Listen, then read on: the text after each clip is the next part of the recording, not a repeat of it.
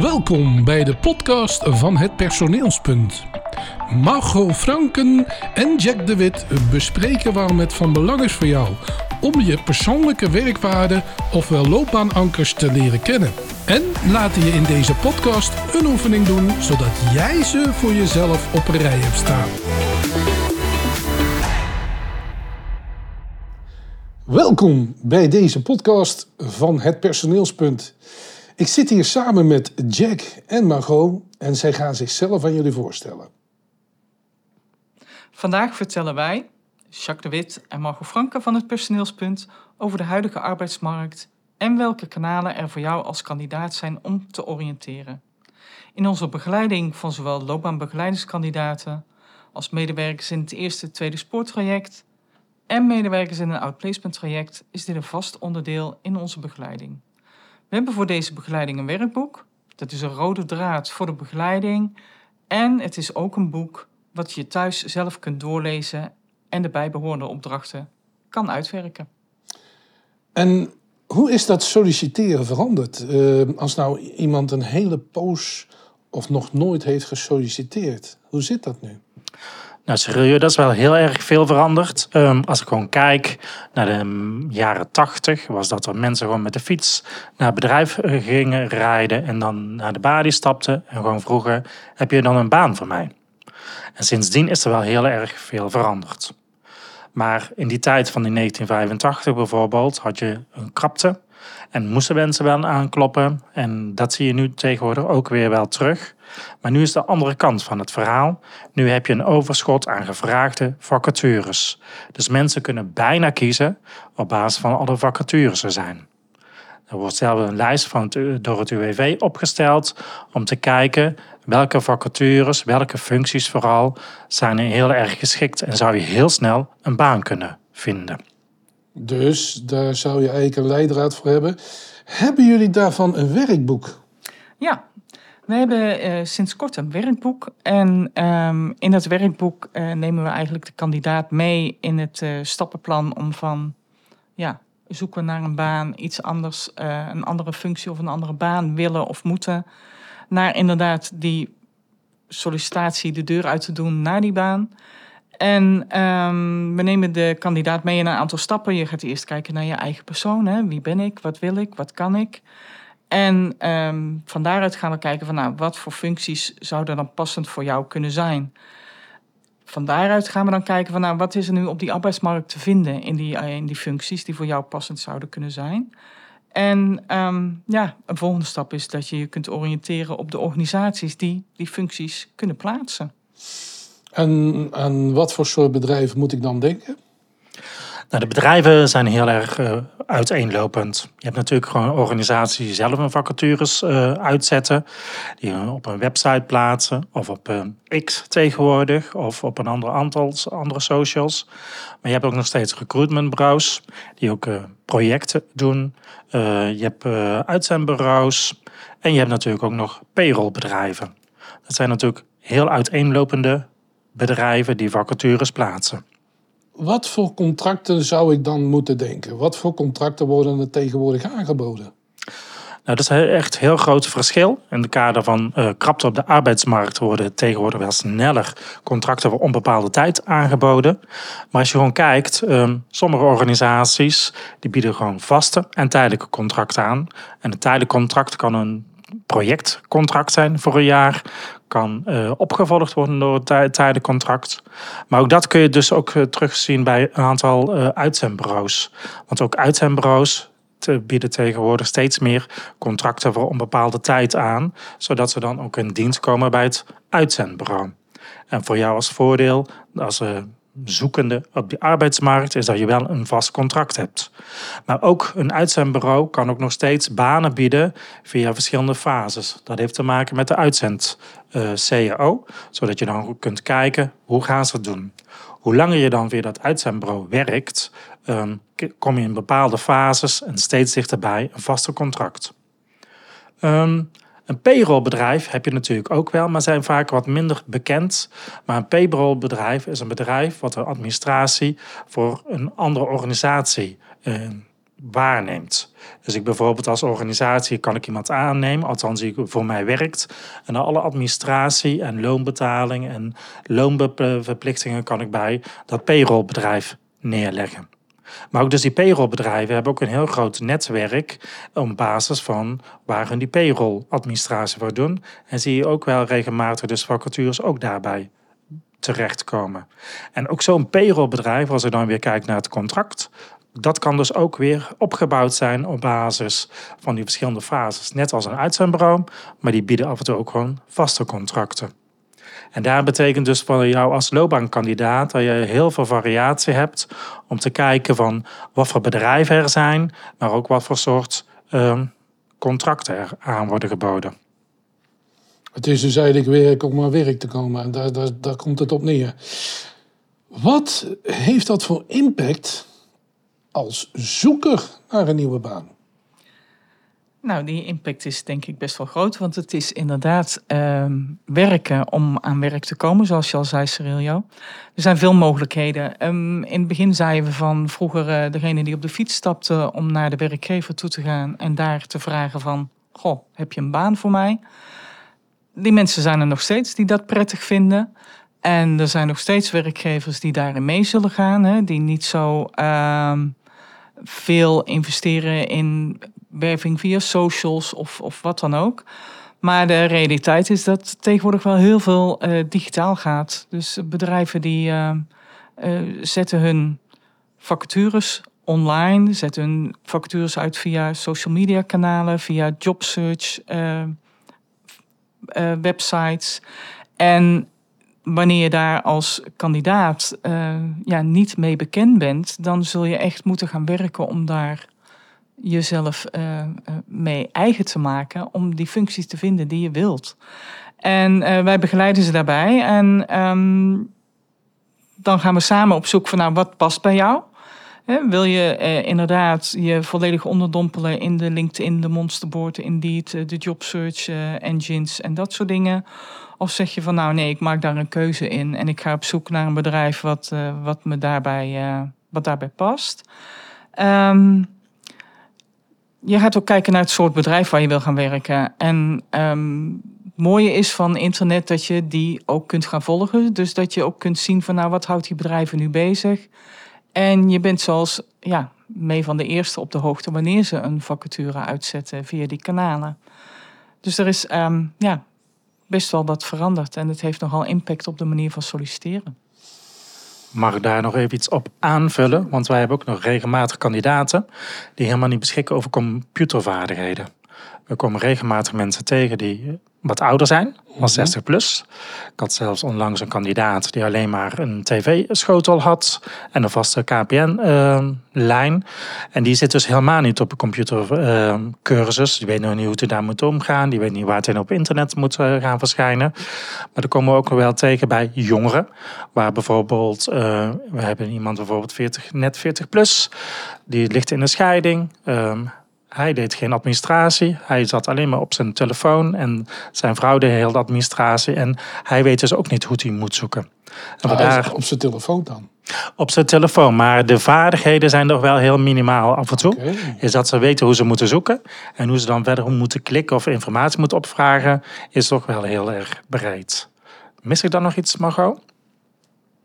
Nee, um, je, daarin mis je niks. Maar het geeft al aan dat het voor sommige van onze kandidaten uh, hard werken is om uh, bij te blijven op die arbeidsmarkt. Maar het is ook goed dat jullie uh, hierop wat voorbeelden kunnen geven. Want ja, dat geeft jullie kandidaten, of de mensen die graag met jullie willen gaan werken, ook een bepaald inzicht over hoe jullie uh, kunnen omgaan met dit soort ja, beperkingen.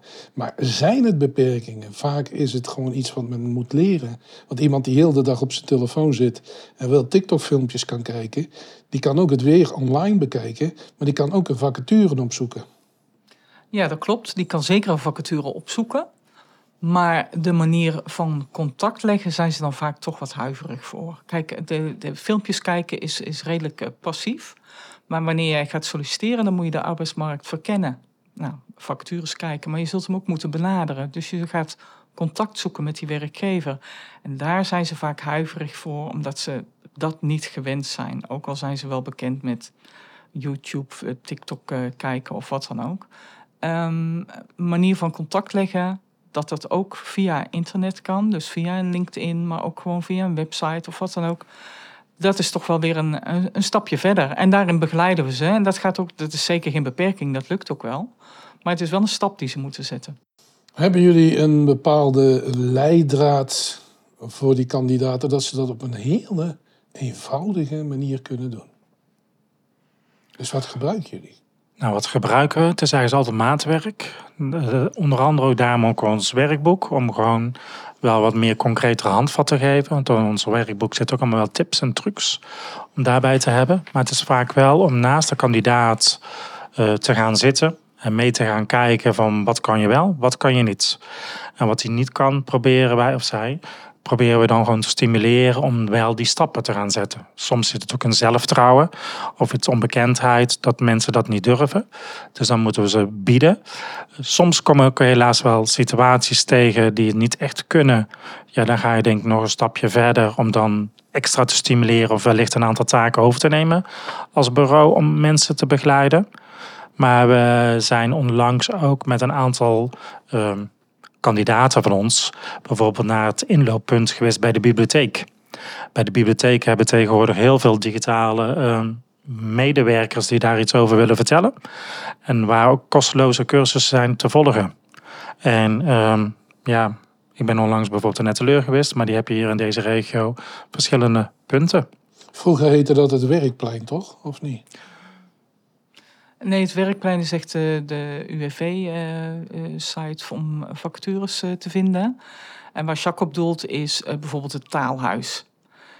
daar kunnen mensen die de Nederlandse taal bijvoorbeeld wat minder goed machtig zijn, die begeleiden we ook regelmatig. Die kunnen daar ja, gesteund worden, cursussen krijgen of begeleid worden om de taal wat beter machtig te worden, waardoor het solliciteren ook wat prettiger gaat. Maar daar kunnen ook mensen terecht die bijvoorbeeld ehm, de computer niet zo uh, in hun vingers hebben. Wel die telefoon, maar niet die laptop waarop toch het contact moet worden gezocht met die werkgever. Of waarin een teamsgesprek moet gaan plaatsvinden of wat dan ook. En die kunnen daar cursussen uh, krijgen. En dat ja, is vooral het, binnen de bibliotheek worden dat soort dingen veel aangeboden. Wel een aparte uh, ontmoetingsplaats natuurlijk, hè, de bibliotheek, maar ook weer ruimtelijk toegankelijk voor iedereen. Laagdrempelig. Ja? Laagdrempelig. Ja, laagdrempelig. Dat is uh, enorm belangrijk. Jullie hebben het uh, ja, veel over het UWV.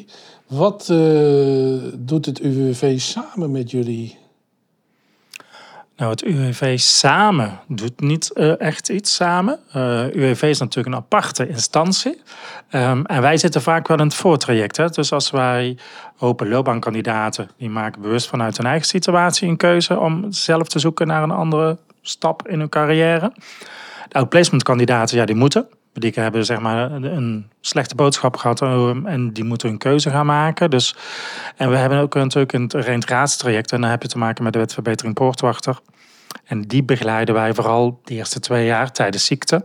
En ook bij de aanvraag van de WIA. Eventueel als een medewerker nog niet terug is gekeerd. Dus vandaar um, werken we dan niet samen. Want eigenlijk neemt het UWV kandidaten een begeleiding later op. Zodra ze door de poort zijn van de WIA-keuring. Oké, nou goed. Wat heel belangrijk is, is denk ik ook het verhaal ZZP. Hè? We hebben een tijd gehad, iedereen die werkte van postbode tot uh, schoenreparateur. En uh, die werd maar ZZP gemaakt om uh, zo min mogelijk kosten te krijgen. Hoe zit dat nu? is die, is die ZZP-koorts al een beetje gedaald? Wil men weer terug naar contracten en jaarcontracten? Want toen straks had je er ook over dat uh, vaste contracten heel makkelijk gegeven worden. Daar is wel iets een terug. We zien natuurlijk wel in de huidige arbeidsmarkt dat steeds veel jongeren ook steeds meer voor een ZZP-constructie Dus volgens mij zijn er onder andere wel een miljoen ZZP'ers op de arbeidsmarkt. Dus die markt nog steeds groeiende. Ehm, maar we hebben natuurlijk wel de, volgens mij vorig jaar een rechtszaak gehad. Dat een bedrijf een aantal mensen wilde eh, via een ZZP-constructie puur wilde inzetten. Alleen dan krijg je te maken met de arbeidsrecht en de, de wet. En als je bijvoorbeeld voor een vaste dienst doet voor een werkgever. En er zitten een aantal criteria die ik even niet uit mijn hoofd weet. Dan heb jij eens recht op een arbeidsovereenkomst. Want er is een gezagsverhouding. Je krijgt salaris. Ehm, en die, zijn, die groep is wel aangegeven dat ze terug in dienst moesten van die werkgever. Dus zo zie je dat de arbeidswet daar ook wel een richting op aangeeft. Ehm, maar aan de andere kant zie je dus ook wel heel veel dat mensen zelf kiezen voor een arbeids zelfstandige situatie. Maar Margot, kun je nog er iets aan toevoegen? Ja. Ja, nou wat ik daarom toe wil voegen is dat we eh, tijdens de begeleiding van, eh, van kandidaten en in wat voor situaties ze dan ook zitten, komen natuurlijk die verschillende werkvormen komen, vormen komen aan de orde. En eh, dan wordt er niet alleen gekeken van ja, hoe gaat dat op die arbeidsmarkt, maar vooral ook past die vorm bij jou.